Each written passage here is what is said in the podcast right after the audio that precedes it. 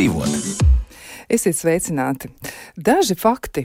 Pieauguša cilvēka smadzenes veido aptuveni 100 miljardu neironu, un jau pēc 25 gadu vecuma neironu skaits smadzenēs sāk samazināties. Sasniedzot 40 gadu, šo degradācijas process pātrinās, bet pēc 50 gadu vecuma sāk sarukt arī smadzeņu kopējais apjoms. Gada laikā mēs zaudējam vidēji vienu gramu, un ir noskaidrots arī, ka sievietēm šis process noris lēnāk nekā vīriešiem. Tas ir interesants aspekts, un droši vien, ka to arī var mēģināt komentēt. Šī ziņa ir atrodama interneta plašumos, un, protams, vienmēr ir vērts pārliecināties, vai patiešām šie cipari atbilst realitātei, vai tā tiešām ir. To mēs arī šodien varētu noskaidrot tieši saistībā ar mūsu pamattematu, ko mēģināsim izpētīt, jo mēs eh, šodien vairāk runāsim tieši par um, Alzheimer slimību un arī par to, ko mēs varam darīt, lai novērstu e, tos procesus, vai vismaz, pareizāk sakot, droši vien teiktu, palēlināt tos procesus, kas varētu arī attīstīties, kas varētu veidoties, un ko mēs gal galā varam darīt, lai attālinātu Alzheimer ietekmi vai samazinātu Alzheimer slimības ietekmi uz mums.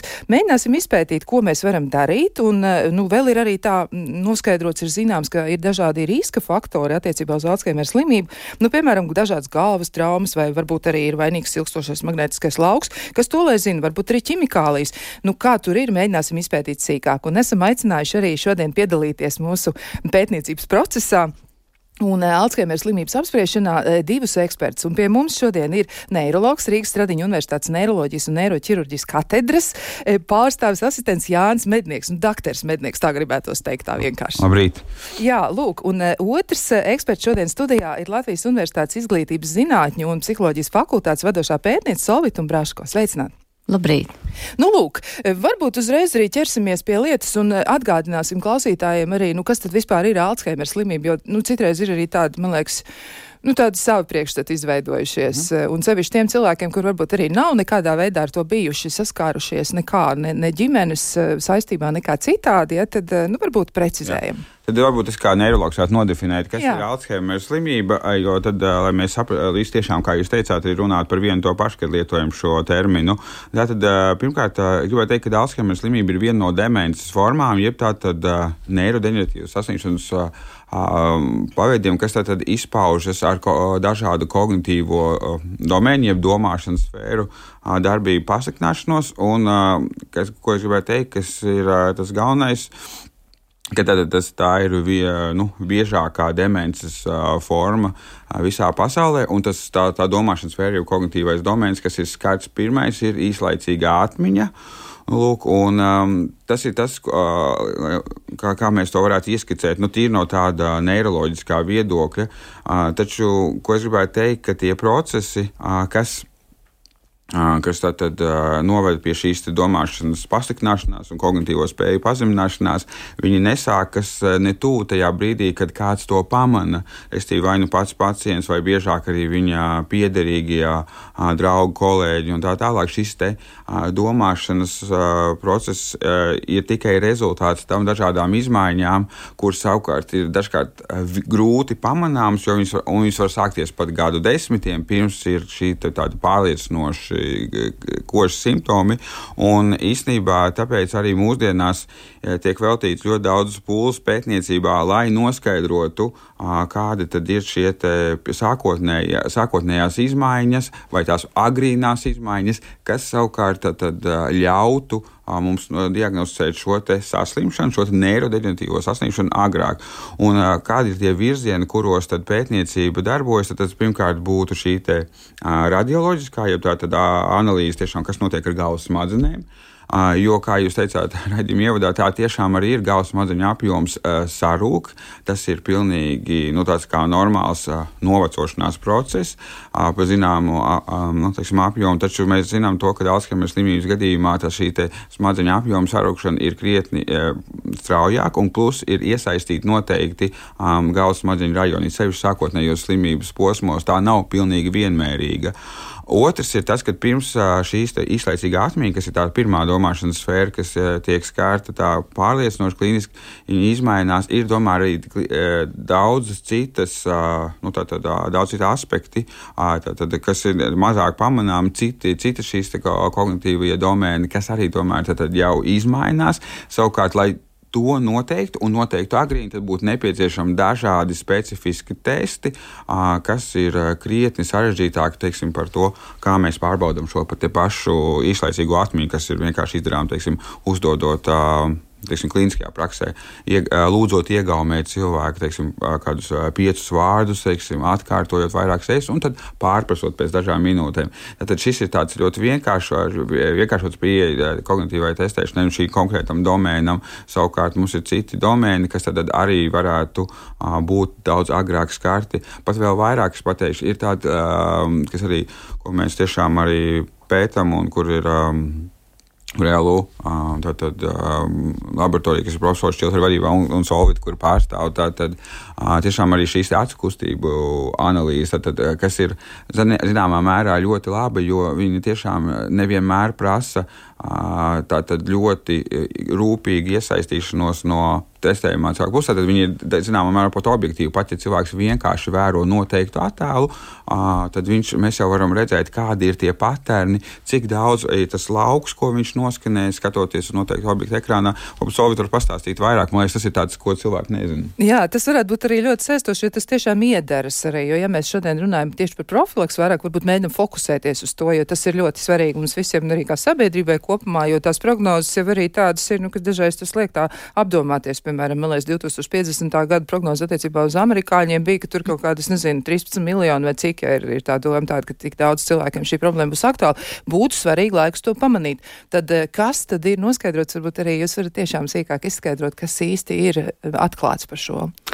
Um, tātad, kā Jānis minēja, Uh, tad šis ir tāds viens um, pētniecības, viena pētniecības joma, kam tiek veltīti ļoti daudz resursi, jo pašlaik nav skaidri tādi tie kritēriji vai simptomi, kas tiešām agrīni liecinātu. Jo tad, kad jau tie simptomi ir pamanāmi, tad tas jau ir tāds process aizsācies. Un tur ir nu, tās intervences vai kaut, kāda, kaut kādas darbības jau ir mazāk efektīvas, kā tās būtu, ja to varētu laicīgāk pamanīt. Un tāpēc pasaulē patiesībā tiek veidotas um, nu, tādas lielas pētniecības komandas, pētniecības projekti tiek īstenoti, kas tieši strādā uz to, lai atklātu un dažādos veidos. Un kā Jānis minēja, tie ir no dažādiem aspektiem. Mēs nevaram tagad jau vairs tikai izlīdzēties ar atmiņas testa mērījumu. Mums noteikti ir vajadzīgi tātad gan radiologi komandā, gan neirologi,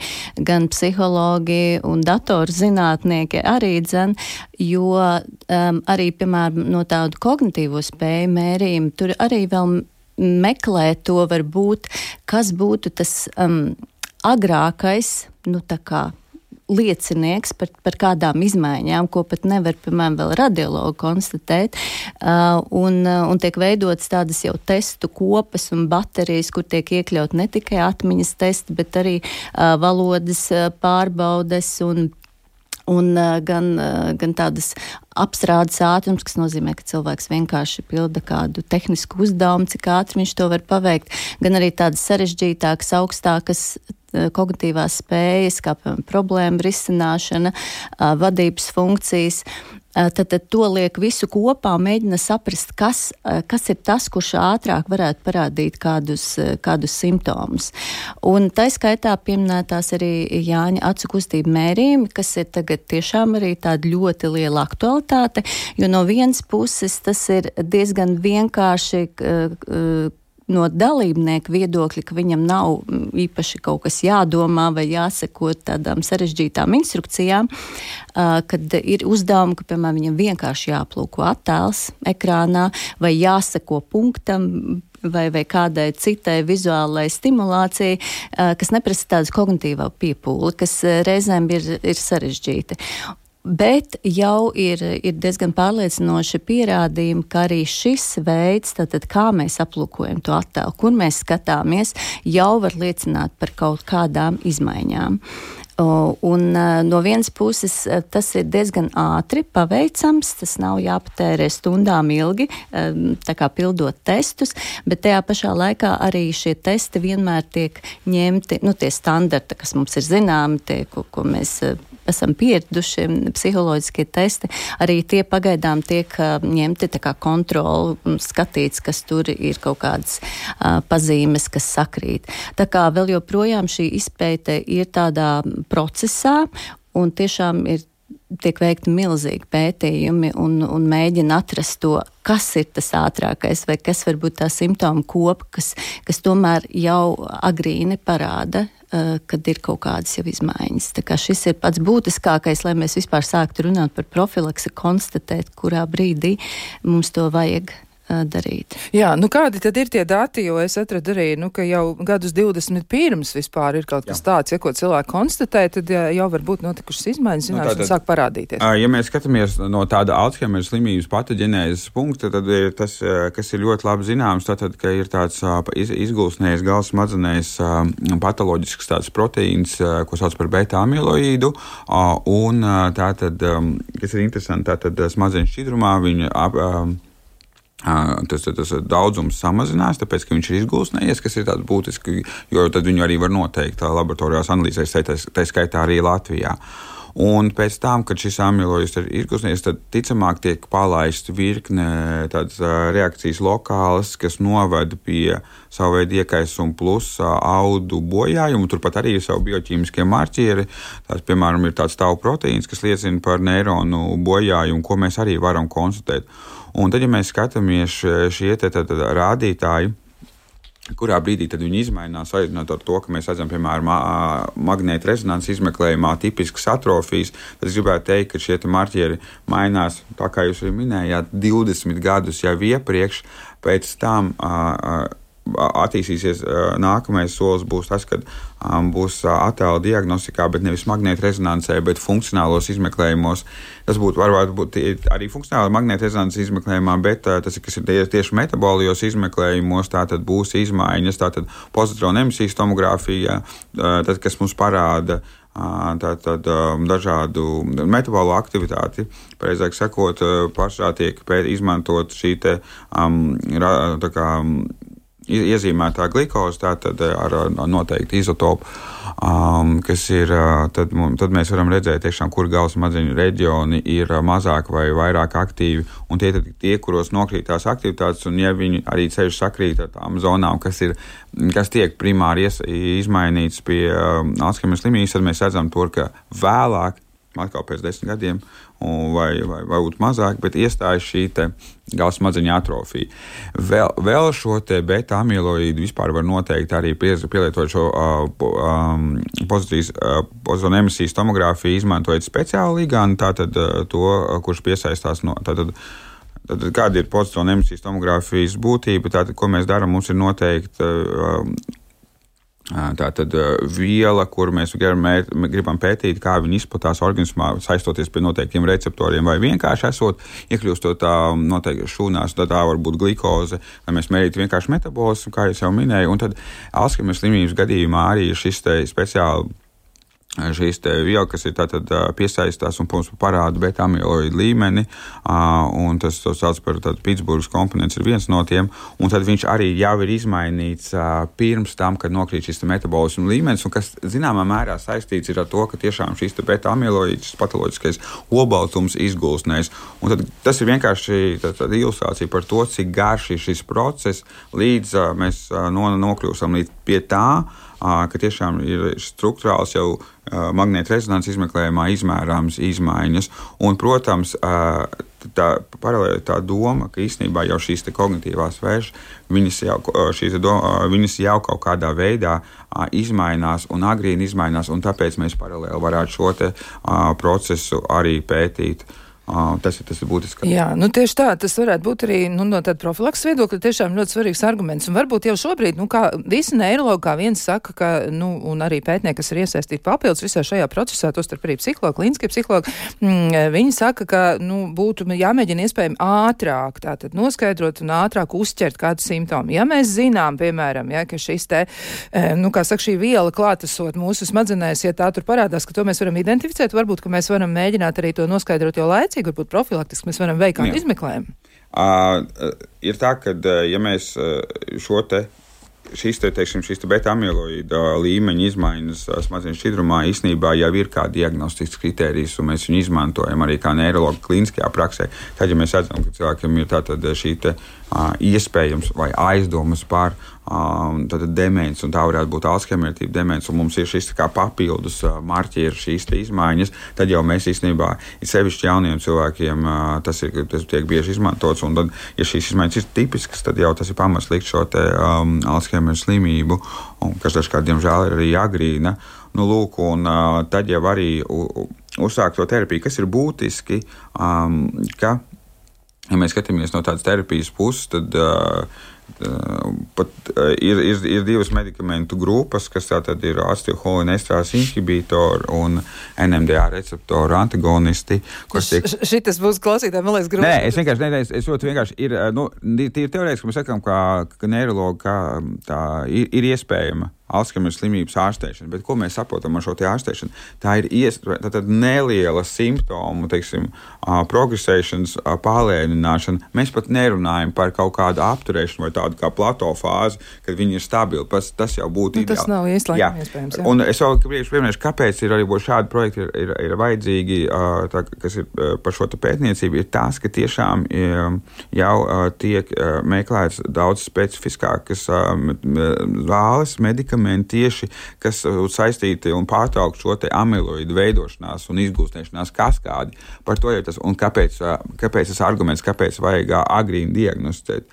Jo no vienas puses ir tā, ka šie pašai zināmie teiksim, nu, dzīvesveida lietas, ko vajadzētu mainīt, viņas jau ir skaidras. Un, teiksim, un tas ir nu, zināmā mērā sakrīt ar to pašu, kas ir pie, pie nu, teiksim, kas ir Tas ir tas pārklājums, kas ir insulta profilaksē šeit. Nu, tas, teiksim, tas, tas jau neko nemainās. Uzturs plus. Uh... Nu, ir, ir tāds izteiciens, man liekas, tieši attiecībā uz Alzheimer slimību. Arī, tie, tie, arī uh, cits jomas speciālisti ir teikuši tā, ka tas, kas nāk par labu jūsu sirdī, tas nāks par labu arī jūsu e, nu, Alzheimer slimības profilaksē, ja, lai jūs, lai jūs nu, nenonāktu šādā situācijā, vai arī mēģinātu tiešām iespējami vairāk to ietekmēt, palēninot tos uh, efektus. Bet, uh, nu, protams, jautājums ir no klausītājiem arī ļoti gaidu, kad beidzot dzirdēšu ieteikums, kāda ir profilaks pasākumu. Nu, protams, ka mums pie tā arī ir jānonāk, jā, bet pirms tam mums bija nepieciešama šī nelielā uvertīra, jo nu, mums ir jāsaprot, kāpēc tas ir tik svarīgi. Jo doktors nu pat arī teica, ka sasniegt fāzi, kad mēs varam apturēt šo slimību, īsti neizdodas. Tāpēc mums vajadzētu arī iespējami ātrāk noķert uz simptomus.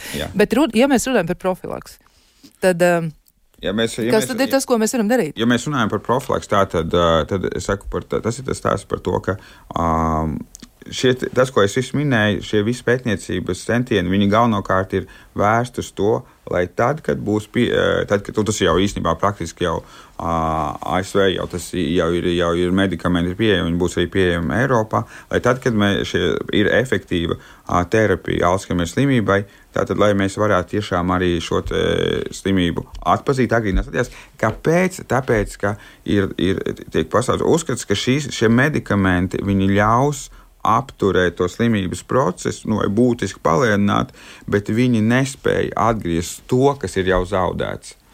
Uh, līdz ar to, protams, arī tas jautājums par profilaksi. Tādā agrīnākā posmā, kas ir pilnīgi, nu, var attiekties uz visiem cilvēkiem, neatkarīgi no tā, vai viņiem ģimenē ir zināms uh, pastiprināta Alzheimer risks, tāpēc, ka ir uh, ģenētiski šie pre, predispozīcija vai nav. Uh, tad ir tas, ka tā tad. Kā, minēju, kā jūs jau teicāt, nu, tas, nav, tas nav pārspīlēts, ka tas, kas ir labi sirdī, tas, kas ir labi uh, galvas smadzeņu asinsrites normālai nodrošināšanai, tas ir arī uh, labi priekš Alzheimer slimības. Tā tad, uh, ko es vienmēr iesaku, tas tad ir. Uh, Mērena, mērena fiziska slodze. Tas ir ļoti labs faktors, kas uzlabo tādu kopumā galvas smadzeņu asinsrites tādā veidā, ka, ja mums ir intensīva fiziska slodze, tad mēs vienkārši apzogam galvas smadzenes. Šīs asinsrites tiek pārdalītas par labu muskuļiem, savukārt mērena, tad viņi uzlabo a, visā organismā kopumā. Lūk, tā tad mērena fiziska slodze, pie tam tas jāatcerās visiem. Ja tas tiešām ir visiem cilvēkiem, tas nebūs tikai par konkrētu Alzheimer slimību, bet tas vispār nāks par labu, un, protams, arī tas ir viens no tiem profilaks aspektiem. Bet te ir arī tā, ka mēs varam uzreiz varbūt iesaistīt arī to psiholoģisko pusi, jā, ja, nu, arī varbūt komentēt šo kognitīvu kognitīvo daļu arī no psiholoģijas viedokļa.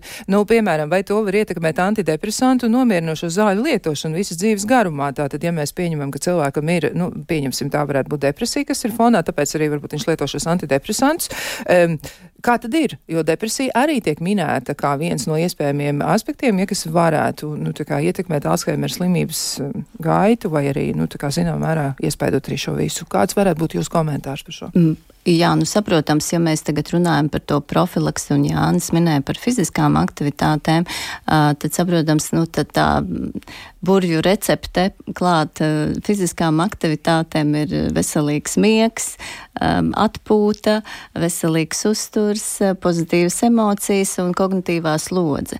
Un patiesībā, ja runā par depresiju, tad depresija kā tāda daļu no šī paņem nost jo tas, nu, tā ir tā, nu, tā traucējuma būtība. Gan ir miegs traucēts, gan arī emociju tā valence ir vairāk negatīva nekā pozitīva.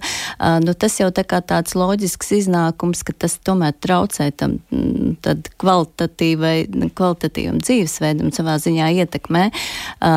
Un tur jau tā saistība var būt abējādi viens otru var ietekmēt no, no vienā un otrā virzienā. Jā, bet arī tad precizēt precizējums tieši par pašiem antidepresantiem, jo jebkuras, jebkurš medikaments, kas tiek izmantots, kas ietekmē jā, mūsu funkcijas, jebkādā veidā, protams, nu, zinām, mērā ietekmē arī iespējams jā, to.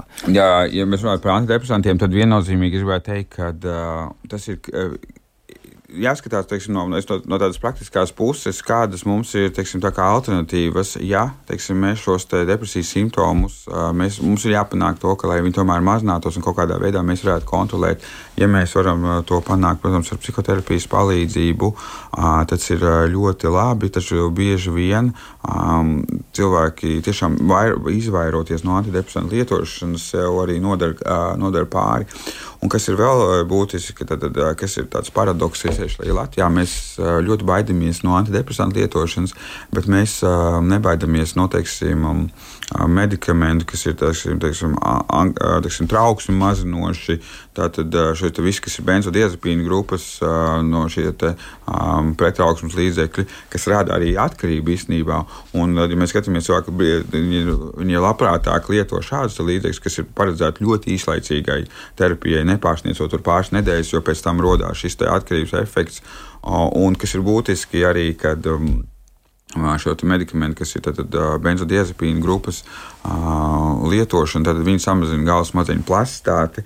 Un tad, tad, uh, un ir pierādīts, ka arī, tad, uh, ja lieto citas terapijas metodas, kas ir nu, dažādi neiroloģiskā slimība ārstēšanā, piemēram, šī neirostimulācija, tad efekts ir mazāks. Tad, ja piemēram lieto tieši šie te, Um, nu, Tātad tie, tie pretrauksmes līdzekļi varētu tomēr ietekmēt. Jā, viņi tas, tas ir tieši Ant, tā. Jā, un, un antidepresanti savukārt, ja tas, protams, tur var diskutēt arī ar savu ārstu par jā. to, nu, kas ir tās labākās izvēles, bet ir skaidrs, dušain, ja saliek tos svaru kausiem, vai cilvēkam ir depresija jā. un ir pilnīgi absolūti samazināts fiziskas aktivitātes, viņš ir kļuvis pasīvs, viņu neinteresē dzīve, viņam ir ļoti grūti tik galā ar lietām, un antidepresantu lietošana droši vien, ka tad, ja par Alzheimer profilaks runā, tad man sanāk tā, ka tomēr tos antidepresantus varbūt ir jālieto, jā. jā, un tad tas būs mazāks, nu, kā saka, ļaunums. Nu, tā mēs varētu hipotētiski pieņemt. Bet um, te vēl viens jautājums arī ir par, uh, nu, arī par to simptomātiku. Tomēr tad, kad jau viņi parādās, varbūt jūs varat arī vēlreiz tomēr atgādināt to, kā tas ir. Uh, jo, nu, mēs runājam par to, ka to būtu labi noķert iepriekš, bet tomēr, nu, lielu daļu e, pacientu mēs varam aprakstīt kā tādus, kuri saka, nu jā, es te sapratu, ka ar mani kaut kas, nu, tā kā varbūt nav tā kā bija iepriekš. Tad kas ir šie simptomi, kas liecina par to, ka Alzheimer slimība, diemžēl, jau ir? Nu, tad, uh, tas,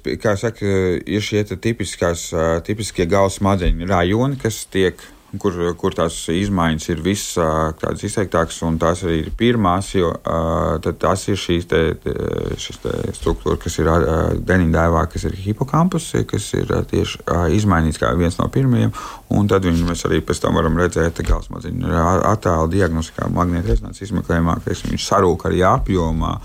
Un tad, protams, šī īslaicīgā atmiņa tātad, uh, neatceras nesenos notikumus. Tātad nevar pateikt, ko darīja teiksim, vakarā, nevar pateikt, ko darīja no rīta vai iepriekšējā dienā.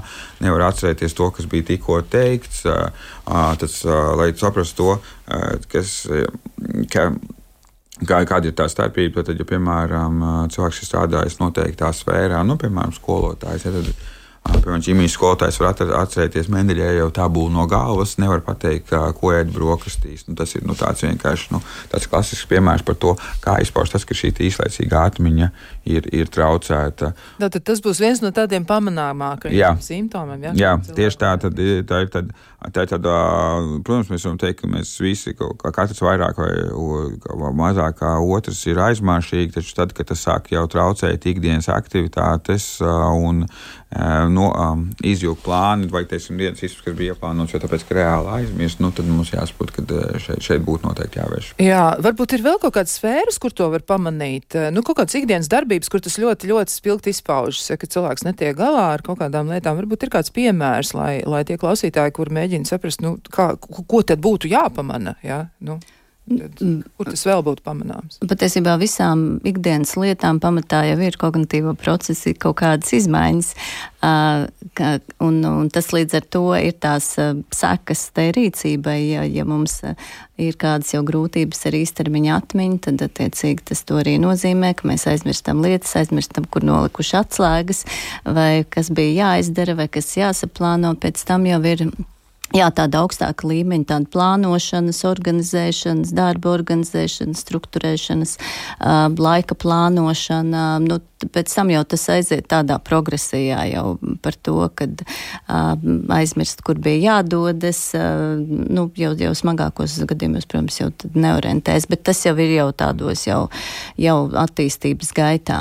Un tāpēc es gribēju vēl arī pievienot par, par tām uh, pētniecības tendencēm, ko tagad mēģina pētnieki veidot tādas aplikācijas telefonos, nu, ņemot vērā, ka, ka arī tagad gados vecāki cilvēki lieto vietāruņos, un tas ir tas pieejamākā ierīce, ka viņi veido šīs te tādus mazos testiņus, kur cilvēks tā kā ikdienā jau var aizpildot jau nu, tā kā regulāri un jau saprast, vai, vai viņam dod kaut kādu atgrieznisko saiti, vai viņam būtu vēlams eh, kaut kādā virzienā veicināt šīs spējas, bet, protams, tas, ir, tas nav tik vienkārši, tas ir gadu ilgi darbs, jo tam visām mazām spēlītēm, ja mēs te varam saukt, um, eh, vai uzdevumiem ir nepieciešama tā saucamā validācija vai ticamības pārbaudas, un tas ir tas sarežģītais process, bet uz to iet, ka mums būtu tādas lietotnes, aplikācijas, kur mēs tā kā jau, jau varētu nevis iet uz magnētiskās rezonances izmeklējumu, kas ir dārgs un varbūt laika tie laika ietilpīgāks, un, un varbūt cilvēki pat neaizdomājas, ka viņiem to vajadzētu 30 vai 40 gados darīt, ja viņiem nav nekādu sūdzību. Bet tādas lietotnes kognitīvo procesu novērt novērtēšanā, pašnovērtēšanā, kur viņi dabū arī kādu atgriezenisko saiti. Un tas ir tas viens virziens, kur, kur pētnieks strādā. Jā, nu tas izklausās pēc labas prognozes, ka tas tā varētu būt. Mēs varētu izmantot tādu aplikāciju, un tur arī varbūt tāds kustības tiek fiksēts, un tad tiek izdarīts kaut kāds secinājums. Ja? Nu, kas to lai zina, tehnoloģijas mums piedāvā aizvien vairāk. Bet šis ir tas mirklis, kad mēs varam nedaudz atvilkt telpu, un tad jau turpināsim jau komentāru un jautājumu. Mums ir daudz.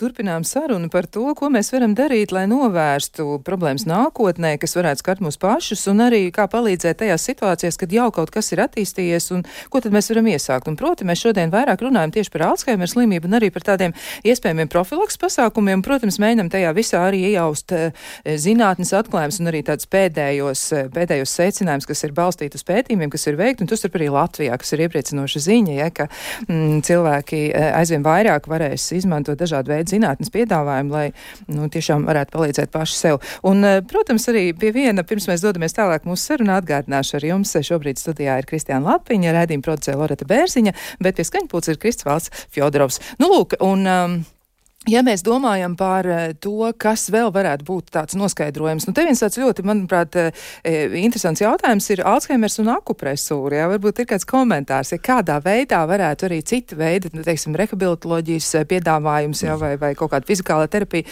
nu kā varētu ietekmēt. Un par akupresūru tas, man liekas, ir pietiekami interesanti. Tad, uh, man būs ļoti grūti komentēt šo te, protams, uh, es nekad, teiksim, komplementārā un alternatīvā medicīna, pie, nu, pie kuras pieder akupresūra, viņu mēs nevaram pateikt, ka, teiksim, ka viņa nestrādā savukārt, ja, teiksim, nu, ja ir, ir klīniskais pētījums vai ir izpētīts, kad viņa ir tiešām no, rāda kaut kādu nu, pozitīvu efektu, tad, tad pētot tieši tāpatās kā viss cits uh, procesus ar, ar kontrols grupu un tā tālāk, tad es, protams, es, es nevaru, es, es redzu, ka ir tādi pētījumi. Tā daļa, protams, viņi ir, teiksim, Dienvidu-Austrumāzijā, kuras es gribētu verificēt, lai viņi būtu verificēti arī, teiksim, Rietumē Eiropā vai, vai, vai Ziemeļamerikā. Un tā ir tā viena problēma, tāpēc varbūt ir grūti to komentēt. Bet otrs, protams, ir jautājums par to mehānismu, kā tas potenciāli šādā. Tur, tur, tur, tur tās skaidrības ir, man liekas, pat ļoti, ļoti maz. Uh, no otras puses, saku, presūrai parasti tas, tas plus ir tas, ka viņa nevar īsti nokaitēt, bet nu, uh, tas, ka kaut kāda lieta nekaitē, uh, tas man liekas, tomēr nav pietiekams faktors, lai viņu pat atzītu par labu esam un nodarītu kaut kādu lietu atsevišķinā. Nu, Līdz ar to es domāju, ka um, šis te ir moments, kas ir, ja viņš ir kā, ja, kā viņš būtu jāizpēta, bet uh, Un es, nu, neesmu, es neesmu redzējis to, jā. ka tas, tas ļoti, ļoti nu, strādātu vai tiešām būtu pārliecinoša evidence. Jāsaprot arī, ka visām šādām darbībām uh, ir jau kāda šāda terapijas metodēm, tā skaitā, ka presurē ir ļoti liels placebo efekts, un to nekad neaizmirsīsim. Mēs uh, kādreiz runājam par to, ka noteikti terapijas placebo efekts. Tas, tas nav banāli. Bieži vien mēs arī 50. un 60. gadu publikācijās par dažādu neirodeģenatīvu saslimšanu ārstēšanu, kur tās iespējas bija vēl krietni zemāk nekā tagad. Tad arī bija rakstīts, ja, tad, nu, konstatējām tādu un tādu diagnozi, nozīmējam tādu un tādu terapiju kā placebo. Jā, atzīmējot, arī, atzīmējot publikāciju. Saprotiet, par to ir arī tas, un tāpēc es vienmēr, bet ja mēs gribam tā kā iet tiešām uz priekšu un attīstīt, nu kā arī mēs ar Covitu Par to runājam, ir vajadzīgi tiešām pētījumi, kur mēs to uh, konstatējam ne, uh, pārliecinoši, ka kaut kādu, teiksim, procesu, kas ir agrīnākais, agrīnāk notiek slimības attīstības gaitā, vai teiksim, terapija, kas tiešām ir efektīva. Un par to tas, tas, tas tiešām nav vienkārši. Dažreiz man arī no abēdina tas, ka tiek uzskatīts, ka tiešām ir tādas sazvērstības teorijas, un tas ir tas pamats, kāpēc ne nav pieejami medikamenti neirodeģenatīvu saslimšanu ārstēšanai, jo, ticiet man, tie, tie, tās investīcijas ir ļoti lielas, un ja tas jautājums būtu par to, ka mums ir jāpanāk teiksim, viena vai otra regulātora, teiksim, Eiropas zāļu aģentūras vai teiksim, Amerikas regulātora labvēlīgi vienkārši viņu nopērkot, tad, ticiet man, tas sen jau būtu izdarīts. Nu, jā, ne? Par jā. to, un tāpēc, tāpēc es saku, un tas attiec uz dažādām metodēm, arī šīm komplementārās un alternatīvās medicīnas metodēm viņas ir nu, jā. Nu, tad, tad tas ir jāpaturprātā. Nu, viens tāds jautājums arī, kas, nu, es varētu to uzdot, apvienojot vairākus arī klausītāju jautājumus un komentārus, un jautājums ir šāds, vai atmiņas trenēšana palīdz Alzheimer problēmu profilaksē, vai tas varētu arī palīdzēt. Jo mēs arī ļoti daudz, un tā kā mēs to operatīvo atmiņu lāgu neizmantojam, jo mums taču ir telefonā ir Ziemassvētku zejolītis, un arī mums ir veikala, nu, preču saraksts, ko jānopērk, un mēs ļoti maz strādājam paši ar to atmiņu. Varbūt, ka tas palīdz. Kā tur ir? Um, patiesībā, nu, jāsaka, ka viens no tiem aspektiem tajā formulā ir tā kognitīvā slodze. Tas ir tā skaitā nu, ne tikai atmiņa, bet arī uh, viss pārējās uh, kognitīvās spējams ir vēlams trenēt, un tas, uh, tas arī ir kā viena no rekomendācijām. Uh, tā kā maksimāli izmantot savus kognitīvos resursus un, un uh, ne tikai tādā veidā. Protams, mēs uztrenēsim to, ko mēs trenēsim. Un, un reizēm ir tā, ka mēs trenējam kādu konkrētu uzdevumu, un tad mums tās spējas uztrenēs tieši tā konkrēta uzdevuma veikšanā, reizēm to var attiecināt plašāk, un reizēm to nevar attiecināt plašāk. Bet nu, tas nu, kopumā būtu nu, ceļojiet, iepazīstiet jaunas vietas, kur jums ir jāpiepūlas, lai norentētos, lai lai atcerētos eh, at, kaut vai ceļu atpakaļ, eh, lasīt grāmatas, nu, tādas saturiski bagātinošas, kur jūs varat kaut ko iemācīties un kur jums ir jāpiepūlas, lai kaut ko saprastu, varbūt no pilnīgi citas jomas, kas jums atkal liek nu, domāt papildu, nu, viss vērsts uz to, kad ir jāpiepūlas. Jā, nu tā tad tomēr nu, tās smadzenes ar viņām jādarbojas ļoti aktīvi. Nu, vēl viens jautājums arī ir, un tāds komentārs komentārs, ja, ka cilvēks kļūst vecāks, Alzheimer slimība ir saistīta ar cilvēku vecumu arī savā ziņā, ja tāpēc pieņem, ka šis ir ļoti nozīmīgs un daudz pētīts temats visā pasaulē. Bet kāpēc Alzheimer slimība pirmo reizi saprotami tika aprakstīta 20. gadsimta pašā sākumā, un līdz tam slimību klasifikatorā tā nemaz tā kā nebija iekļauta. Ja? Un, uh, papildus arī šim mēs varētu pievienot arī jautājumu, vai ir taisnība, ka uh, nu, tā, jā, Alzheimer slimība kļūst ar vien jaunāka, vai arī ir labāks diagnostikas uh, spējas. Kā, kā to varētu izskaidrot? Tad, par pirmo, tad, tad kāpēc viņi ir aprakstīti tikai tad?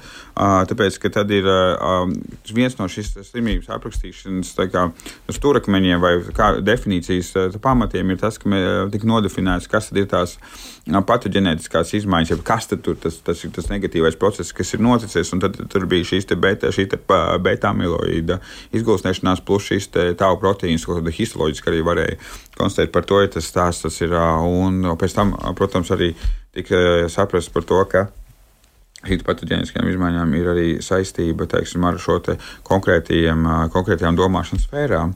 Mēs, protams, nerunājam tajā brīdī ne par kādām attēlu diagnostikām, jo tas, tas protams, ir pēdējie nu, teiksim, 30 gadi, bet um, viņš vairāk jau tagad. Bet uh, tas ir tas stāsts, kāpēc viņu tika nodefinēti tikai tad. Nu, uh, tas ir tas, kad um, ja mēs skatāmies par to. Uh, kas tad bija pirmā zona, kuras fu, galvas smadzenēs, kuras funkcija bija skaidra, tika noskaidrota. Tā bija brokas, jeb runas viena no tādas ekspresīvās valodas zonām, kas ir.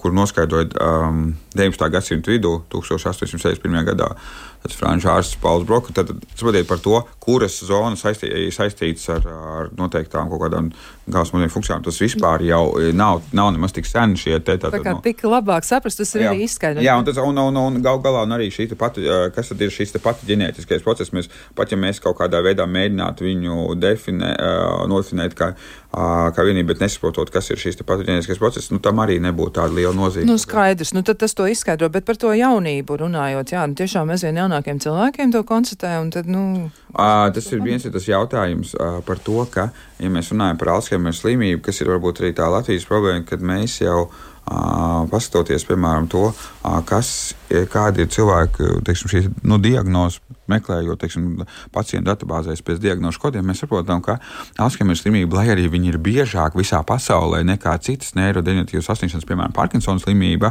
Latvijā viņi ir diagnosticēti retāk. Un tas, zināmā mērā, ir saistīts par, ar to, ka tā terapija, kas pašlaik ir pieejama, nav diezgan efektīva. Bet kāds ir, tas, kāds ir tas negatīvais rezultāts? Negatīvais rezultāts ir tas, ka netiek diagnosticēti Alzheimer slimības pacienti korektā veidā, nu, teiksim, tiešām izvērtējot visas tās domāšanas sfēras. Nu, un, tādā, un tad gal galā tas nonāk pie tā, ka uh, netiek arī uzlikta šī diagnoze. Un tas, eh, zināmā mērā, jauniem cilvēkiem, ja viņiem ir kaut kādas kognitīvi traucējumi, agrāk vēl jau mazāk tas bija iespējams, un bija teikt, nu, tad tas bija kaut kāda ne, ne, ne, neprecizēta iemesla, teiksim, šie te mm. kognitīva pasliktināšanās. Tagad teišam, mēs ejam uz to, lai viņi būtu korekti uzstādīti diagnozi kā Alzheimer slimība vai cita neirodeģenatīva saslimšana. Alzheimer slimība atcīmredzams nav vienīgais iemesls, kas var no nu dot atmiņas un citu domāšanas sfēru traucējumus. No nu un tad vienkārši mēs arī šo te precizējam finansējumu. Tas ir, tas ir drīzāk tas iemesls, kāpēc, kāpēc, kāpēc tā, jā. tā jā, rodas tāds izjūta. Nu, lūk, bet tomēr klausītāji arī mums grib atgriezt atpakaļ pie tās profilakses. Un saka, lūdzu, domāju vairāk par to profilakses. Kā saka, viens, divi, trīs, tad kas mums tas ir, nu, kas būtu jādara? Viena lieta, tā tad jūs teicāt, saglabāt fiziskās aktivitātes, trenēt atmiņu, tātad darīt tādas lietas, kas izaicina mūsu prātu, jā, un mūsu smadzenēm liek tomēr būt noslogotām, jā, kur ir kaut kas jāmācās, valodas droši vien, krustvārdu mīklas, grāmatu lasīšana ar saturu, kur attīstās asociācijas, viss kaut kas tāds, kur ir ļoti intensīva prāta darbība. Ko vēl varētu darīt? Nu, arī jūs pieminējāt, ka depresija ir jāārstē, jā, ar to jā. noteikti kaut kas jādara. Kas vēl ir profilaktiskās darbības, ko mēs varam veikt? Miegs. Jā, miegs, jā, jā nu, mieg, mieg, miegs, vienmēr, kad es, kā es saku saviem pacientiem, kas, kas palīdz, kad mēs skaidrojam, kāpēc to vajag darīt, teiksim, tad, jo mēs fiziski aktivitātes, tas uzlabo, teiksim, galvas smadzeņu, kā asinsīt, miegs, tāpēc, ka miegā notiek atmiņu, dienas laikā iegūta atmiņu konsolidācija un tā tālāk. Un, un vienkārši tad, kad cilvēks saka, kad zāles strādā uz noteiktiem receptoriem, tāpēc viņš ir, ir efektīvs, tad cilvēks saka, jā, ok, viņš izprot, kāpēc to vajag, bet ja mēs sakam, ka šis ikdienas aktivitāte ietekmē tā, to un to, piemēram, tā kā miegs, miegs, pareizs miega, miega apjoms, normāls un, un kas ir nepārtraukts, tas ir būtisks, tāpēc, ka viņš veicina atmiņu konsolidāciju tieši šie dziļumie, dziļā miega fāzēs, kuras mēs nevaram sasniegt uzreiz iemiegot. Tomēr, tad, tad, tas tā kā palīdz vairāk. Tā. Jā. Nu, es arī domāju ja, par savu operatīvu atmiņu, ko tad es atceros. Ja, tad, tiešām tās, kas ir kaut kādas pamatslimības, tos arī depresija, psihoemocionālais stāvoklis, labs ēdiens, atbilstoši droši vien visi vitamīni, minerāli vielas, viss kaut kas cits, miegs, ja, kas ir pietiekams, mērena fiziska slodze, kas neatņem smadzenēm resursus, neaizsūt visus muskuļiem. Ja, nu, tā tad diezgan daudz jau ir lietas, kas ir savākušās. Bet noteikti vēl mēs kaut ko tūlīt atradīsim, bet pirms tam mēs atbildēsim uz eh, kādu komentāru, arī uzklausīsim, ko tad grib teikt kāds klausītājs, jo mums ir klausītājs zvans. Tūlīt arī mēs dzirdēsim. Mēs klausāmies, esiet sveicināti! Halo, sveicināti! Jauku dienu visiem! Šodien ļoti daudz informācijas, un arī es savā laikā cilvēkiem esmu strādājis un novērojis tādu interesantu lietu, ka tie, kas praktizē reāli kristīgo dzīvesveidu, viņam daudz šīs problēmas atkrīt. Es domāju, problēma ir tā, ka cilvēkiem bieži nav mērķa un nav arī spēka, un varbūt tiešām nav tik svarīgi, kas mums apkārt notiek, bet kā mēs to uztveram, kā mēs to uzņemam. Un, un tā ir tā realitāte, jo šodien mēs pasaulē esam iebraukuši tādā nāves kultūrā no kristīgās kultūras. Paldies! Paldies par komentāru. Jā, nu, savā ziņā tas varētu saistīties arī ar to, ko teica pētniece Jā, Solvita un Braško, jā, nu, par, par, to, par to pasaules redzējumu un arī tur tā depresija kaut kur tā lec ārā. Jā, nu, Varbūt jums ir arī kāds komentārs, varbūt arī tas palīdz, jā, tas arī varētu būt profilaktisks uh, pasākums, ja savā ziņā mēģināt mainīt attieksmi pret sevi, pret to, ko mēs gribam sasniegt, izdarīt. Nu. Protams, vienmēr pozitīvā domāšana ir, ir vērtīgāka par kādām negācijām. Jā, bet arī tas, ka eh, cilvēkam ir mērķis, manuprāt, un viņš tiešām nu, deg par to, un, un tas, ir, tas, tas mērķis ir tas, ka viņš ir emocionāli ļoti, ļoti saistošs. Tas ir ļoti palīdzīgs, jo emocijas ir ļoti, prā, ļoti svarīgas mācīšanās, iegaumēšanas procesos. Tātad mēs redzam, kāpēc teiksim, tāda informācijas iekaušana ir sliktāka par to, ka viņi tiek uzņemti saistošā veidā, tāpēc ka tiklīdz ir. Um, iesaistīs tās galvasmodīņas struktūras, kas ir arī tāda atbilst par emociju uztver, tad tās iegūšanas process tomēr notiek krietni, krietni labāk arī. Motivācija. Jā, jā, jā nu, protams, ir arī tā, klausītāji arī vēlreiz paši atgriežas arī pie simptomu uzskaitījuma. Tāds tiešām arī ir. Es arī tieši tāpat, man te pie iezīmēs arī ir šīs simptomu uzskaitījums, jā, bet ir arī tā, ka, nu, cilvēks, kuram ir Alzheimer slimība, viņš aizmirst arī tādus nozīmīgus notikumus, ja nespēja finanses pārvaldīt, jā, un viņam mm. arī virs uz orientāciju telpā, un arī tas, ko teica e, e, pētnieces Solvita un Braško, ja tā sociālā interakcija, tās saites arī tā pavainās. Bet, eh, nu, arī prasās pēc skaidrojuma arī tādiem konkrētiem piemēriem. Varbūt tas būs mazliet atkal mazāk par profilaks, bet par to realitāti. Jā. Un viena no klausītājiem raksta, ka manai mammai, viņai ir 74 gadi, strauji pasliktinās atmiņu, nu jau pat neatceras, ka jācep karbonāti, dzīvo vien laukos. Un te ir jautājums, ar ko sākt, pie kāda ārsta vērsties. Jā, un viņi gan, nu, tā skatās, nu, tad, tad ģimenes ārsta, jā. jā tad darīt? Tad, tad, es domāju, ka ir jāvērš pie neiroloģa, jo zināmā mērā tās. Um, demenču pacientu diagnostika un, un, un arī aprūpe un ārstēšana ir, ir gan, nu, tā kā Latvijā noteikti, mēs speciālistu skat, aspektā skatāmies gan neirologu, gan neirologu un arī pēc tam arī psihiatru. Bet neirologs, neirologs. Jā, bet neirologs vienīgs, jo tāpēc, jā. ka vēl, kas atcerieties vienu lietu, kas ir būtiski, jāstājas, pirms mēs saprotam, ka ir kognitīvo funkciju pasakņāšanās, ticamāk no viss šī stāsta, bet jautājums, vai tiešām tā ir Alzheimer slimība. Alzheimer slimības diagnostikas gaitā mēs arī precizējam to, vai nav kādi citi ārstējumi iemesli. Tieši tā, doktor, kā jūs sakat, un te arī viena no klausītājiem piebilst, ja, ka gribu piebilst no savas pieredzes, ka pacienti ļoti reti pamat simptomātiku, un vīra mātei ir Alzheimer slimība. Ja, tātad tas ir jau šobrīd diagnosticēts, bet viņa pati to nevarēja novērtēt, un viss tika norakstīts uz vecumu. Tas nozīmē, ka tā ir vajadzīgs šis te. Jā, tieši jā. tā, jo vēl kas ir, kas ir, kas ir būtiski, tā tad ir citi kognitīvo traucējumu, progresējuši kognitīvo traucējumu iemesli, kas ir ārstējumi. Tātad arī diagnosticējot Alzheimer slimību, tad mums arī, pat ja mums ir aizdomas par to, mums jāizslēdz citi iemesli, piemēram, dar, konkrēti B grupas vitamīnu deficīts arī dažkārt arī var būt pazemināt kognitīvu funkciju. Pazem, ļoti būtiski pazemināt vairāk dziedzera funkciju arī var uh, izraisīt uh, kognitīvo traucējumu pasliktināšanos. Jā. Un, ja, piemēram, Latvijā arī tāda. Um, saslimšana, kas ir manuprāt, pārāk maz diagnosticēta, pārāk ir šī te, nu, viņš sauc par normālu spiedienu hidrocefalītu, būtiski palielinās nu, galvas smadzeņu vēderiņu, ja, tad, tad, kas jā. noved arī pie uh, pašta uh, kognitīvo funkciju pasliktināšanās. Kas ir, kas ir šis te, kas ir novēršama, tātad diagnosticējuma un ārstējuma ļoti labi. Kā.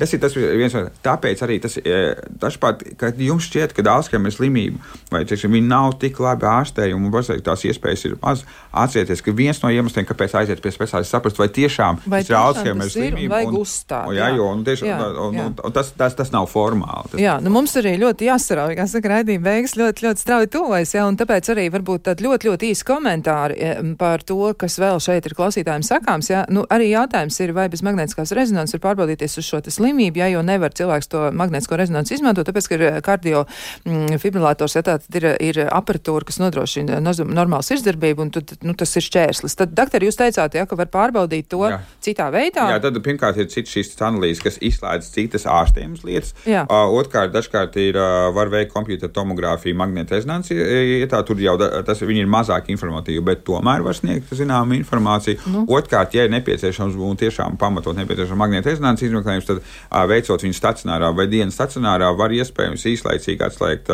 kardiostimulāciju. Nu, jā, jā, bet tas kliniskās universitātes slimnīcās tas arī notiek. Ļoti. Tā kā tā, šī arī ir viena no tādām opcijām. Labi. Tāpēc es saku, aiziet pie ārsta un noskaidrot. Un vēl uzstāt droši vien, jo viens no klausītājiem arī saka, ja 40 gadu vecumā daudz ietu veikt magnētiskās eh, rezonanses izmeklējumu, ja, bet to vēlmu nobloķē visu varošais brūsis. Ja ģimenes dakteris saka, ko tu dusmojies, tev tikai 40, un tā kā atnāk pēc 20 gadiem, 60 gados atkal dzirdam frāzi, kurš tu bija agrāk ir noslēdzies. Ja? Nu, ļoti, ļoti jāuzstāj. Ir tad tiešām varbūt arī pie tā neirologa ir vērts aiziet, jā. un neirologs jā. noteikti varēs būt tas cilvēks, nu, tas cilvēks kas palīdz. Un, ja, un, ja, ja ģimenes ārsts saka, ka nav, jā. bet neirologs saka, ka tomēr šeit būtu jā, nu, jā, jāizmeklē tad varbūt. Ticam, jā, ticam. Nu, lūk, bet vēl nu, arī par profilaks runājot meditācijas. Nu, ko saka psihologi par meditācijām? Palīdz profilaktiski?